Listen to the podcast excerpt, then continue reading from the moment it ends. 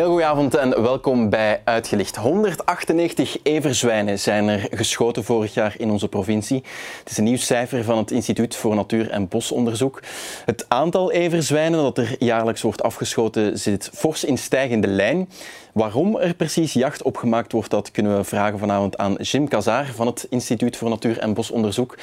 Lesgever aan de KU Leuven ook. En ook Patrick Huvenne zit aan tafel, de regiobeheerder voor de bossen voor het Agentschap Natuur en Bos in onze regio. Goedenavond allebei, welkom in de studio.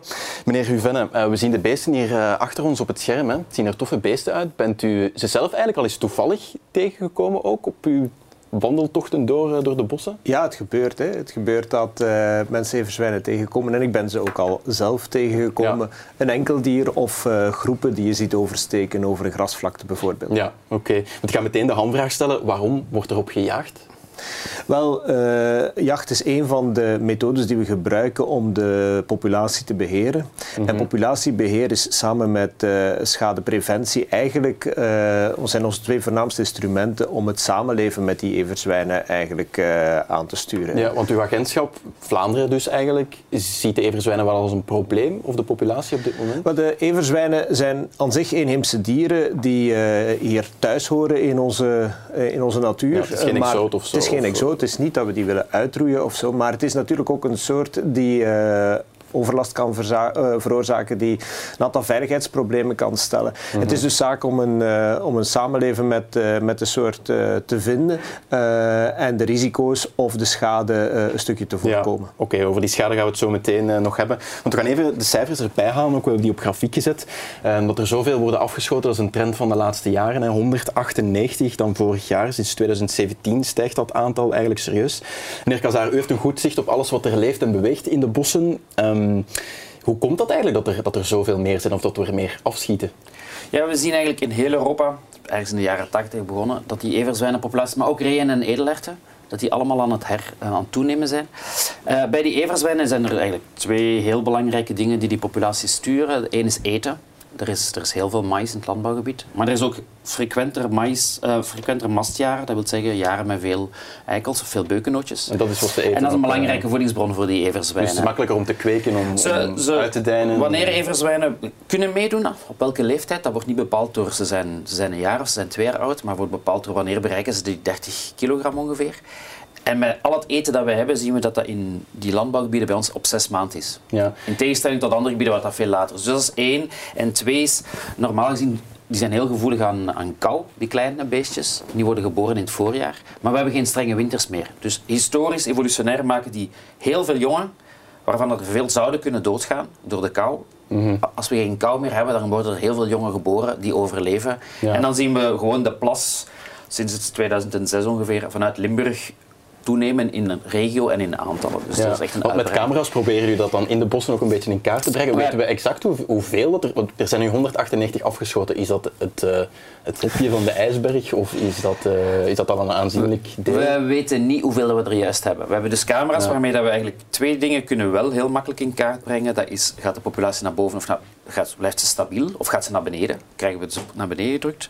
En hoe, blijft die, hoe breidt die plas uit? Is dat lokaal? En dat, krijgen we met camera's mooi zicht op. Hoeveel dat het er zijn per 100 hectare, dat is een stukje dat we nog op aan het werken zijn. Ook met buitenlandse collega's. Uh, daar zijn we nog niet. Maar we hopen wel ja, over een aantal jaar te kunnen zeggen, zijn het er, zijn het er 10 per 100 hectare, zijn het er 30 per Dat 100 weet ik niet. hectare. Maar die 198 de komende jaren zal dat ook nog wel stijgen, dat cijfer. Het gaat vooral stijgen. Gaat het ergens stabiliseren?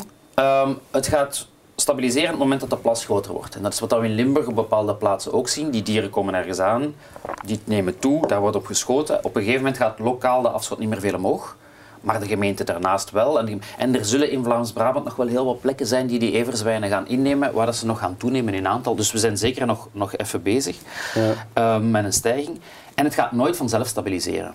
Ik bedoel, er gaat altijd eten blijven. Dus het, het is niet dat we op een dag gaan zeggen van oké, en nu dit is Ja. het aantal en de everzwijnen gaan hun eigen op dit aantal houden. Dus dan is dat afschieten, eh, de jacht, dat, is, ehm, want dat, is, dat klinkt een beetje als een heel ingrijpende maatregel natuurlijk om aan, aan wildbeheer te gaan doen. Is dat de enige mogelijkheid die er dan is vanuit het agentschap misschien ook om die populatie in stand te gaan houden? Of zijn er nog andere dingen mogelijk om die populatie te gaan, te gaan indammen? Om de populatie te reguleren wordt er voornamelijk met, met uh, jacht gewerkt, met verschillende vormen van jacht. Maar tegelijk uh, zetten wij ook veel in op uh, schadepreventie. Dus om te voorkomen dat ze bijvoorbeeld bepaalde gewassen of tuinen omwoelen.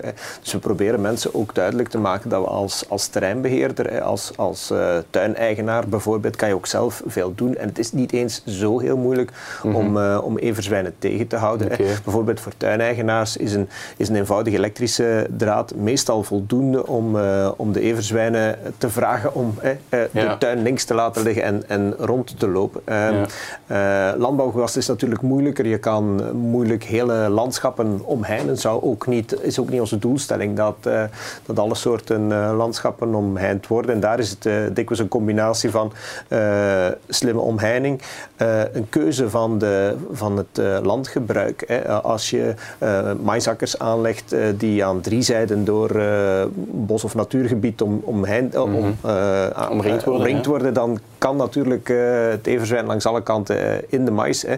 Maar als er een corridor gelaten wordt waar een lager gewas geteeld wordt, ah, ja. zodat er ja. jacht mogelijk is, dan voelt dat everzwijn zich ook veel minder ja. veilig. Hè. Dus zo zijn er een aantal mogelijkheden, gericht een aantal afsluitingen of zo'n tijdelijk elektrische draad zetten. Allemaal zijn allemaal combinaties om eigenlijk de schade te beperken. Maar de eigenlijke populatieregulatie die gebeurt en dat met zal afschot. Ja. en dat zal altijd, zal altijd wel zo blijven. Nu, we gaan eens heel even kijken ook wat zo'n everzwijn precies kan aanrichten.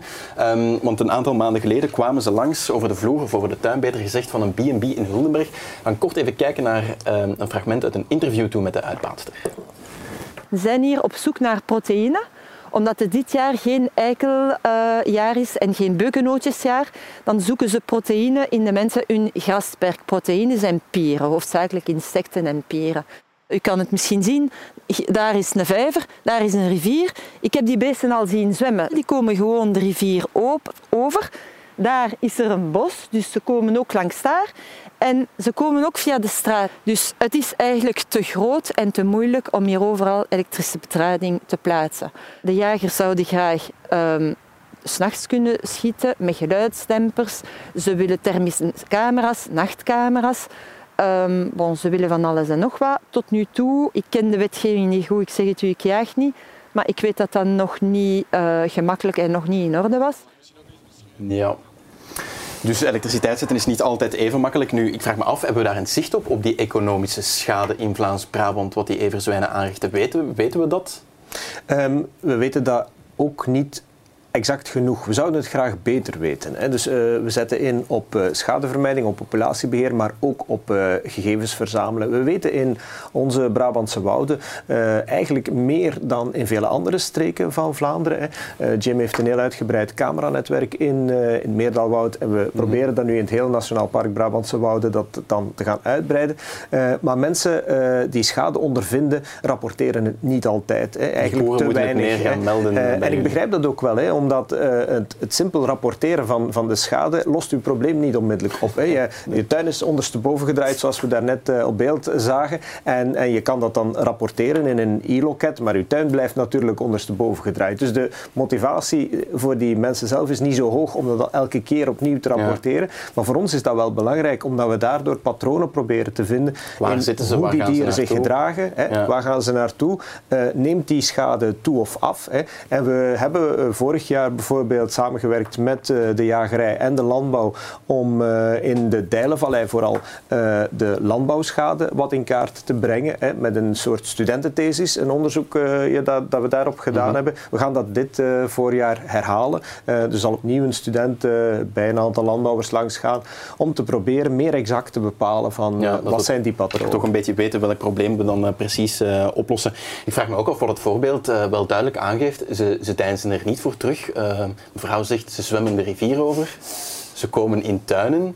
Um, ik zou denken, die zitten ergens diep in de bossen, die zijn verlegen. Of, uh, maar dat is die zijn zeker, Everzwijnen zijn niet verlegen en leren ook heel snel. Um, dus everzwijnen gaan heel snel leren van dit is veilig, dit is niet veilig. En, en we zien in heel Europa, ook in steden, dat everzwijnen gewoon op een gegeven moment de bewoonde wereld ah, ja? Dus op de Oude Markt aan de Basiliek van Scherpenheuvel? Aan de Basiliek van Scherpenheuvel gaan we ze denk ik nog niet terecht krijgen. Maar, maar de tuinen kunnen. van de mensen, we mogen ook niet vergeten door onze ruimtelijke ordening, um, onze tuinen liggen bijna tegen de bossen. Ik bedoel, als we in de regio Leuven rond, het, rond Meerdalwoud, rond Heverlee Bos kijken, het is niet dat we een een dorpskern hebben en dan heel veel velden en dan ergens anders bossen. Mhm, We hebben huizen tot, tot tegen de bossen. Ja. En zoals mijn vrouw ook aanhaalt, ze eten eikels in het bos, dan gaan ze de wormen zoeken in de tuinen bij de mensen. Dus de, voor, voor die everzwijnen is Vlaanderen één grote lappenkat van stukjes waar dat je in Dus de kans dat we ze gaan tegenkomen de komende jaren... Gaat in- groot worden. Ja, oké. Want daarbij aansluitend met de Brabantse wouden is de bedoeling dat we ook eh, stukken bos in onze regio gaan verbinden met elkaar. Brengen we ze zo ook niet dichter bij de bewoonde wereld als we dat gaan doen?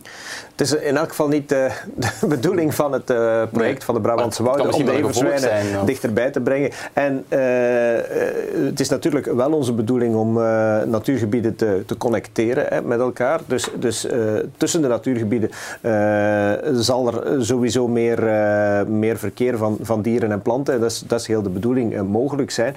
Maar eh everzwijnen is nu net de soort die daar niet op wacht en dat ook niet Ja, ja. nodig heeft. Hè. Dus wat je ziet, je ziet vandaag ook al beelden eh, van everzwijnen die zelfs op klaarlichte dag de stelplaats van Overijse, de lijnstelplaats van Overijse opliepen voor, voor twee weken, denk ik. Dus ehm eh, everzwijnen houden zich niet aan die corridors. Zij gebruiken het hele landschap. Zij hebben evenveel aan tuinen en, en landbouwgebied, zoals Jim al aangaf. Oké. Om even bij die Brabantse wouden te blijven, hoe, hoe ver zit dat proces? Zijn er al stukken natuur aangekocht om, om die verbindingen met elkaar te gaan maken? Of is dat een project dat nog jaren in beslag zal nemen? Het zal in elk geval nog jaren in beslag nemen. Hè. Dus het eh, Nationaal Park heeft een 24-jarenplan neergelegd. Ah, ja, ja. Hè. Eh, dus eh, minstens eh, voor de volgende 20 jaar zijn we, zijn we aan de slag. En we zijn nu eigenlijk eh, heel, eh, heel saaie zaken aan het regelen. De, de juridische statuten Ja, en dat en soort zaken. De de- punten en de commas. Dus we zijn, eh, ons meeste energie binnen het Nationaal Park gaat naar een aantal vormelijkheden en juridische zaken.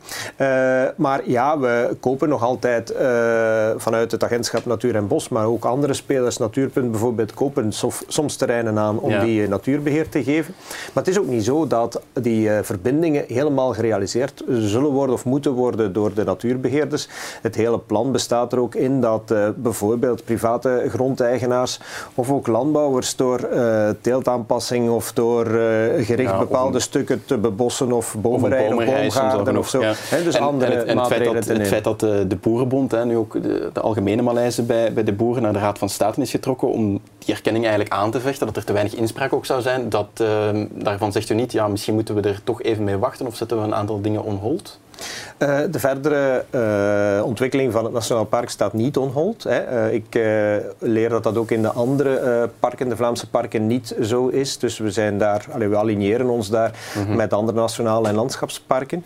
Eh, en we zijn geïnformeerd over eh, die rechtszaak vorige week. Dus we zijn nu aan het bekijken wat de gepaste volgende stappen moeten zijn. Ja, alright. Oké, dat zullen we dan eh, samen met u afwachten. Goed, dankjewel heren. Bedankt voor de komst naar, eh, naar de studio. Graag gedaan. En u thuis ook bedankt voor het kijken. Volgende week donderdag zijn we er uiteraard opnieuw. Tot dan. Fijne avond nog.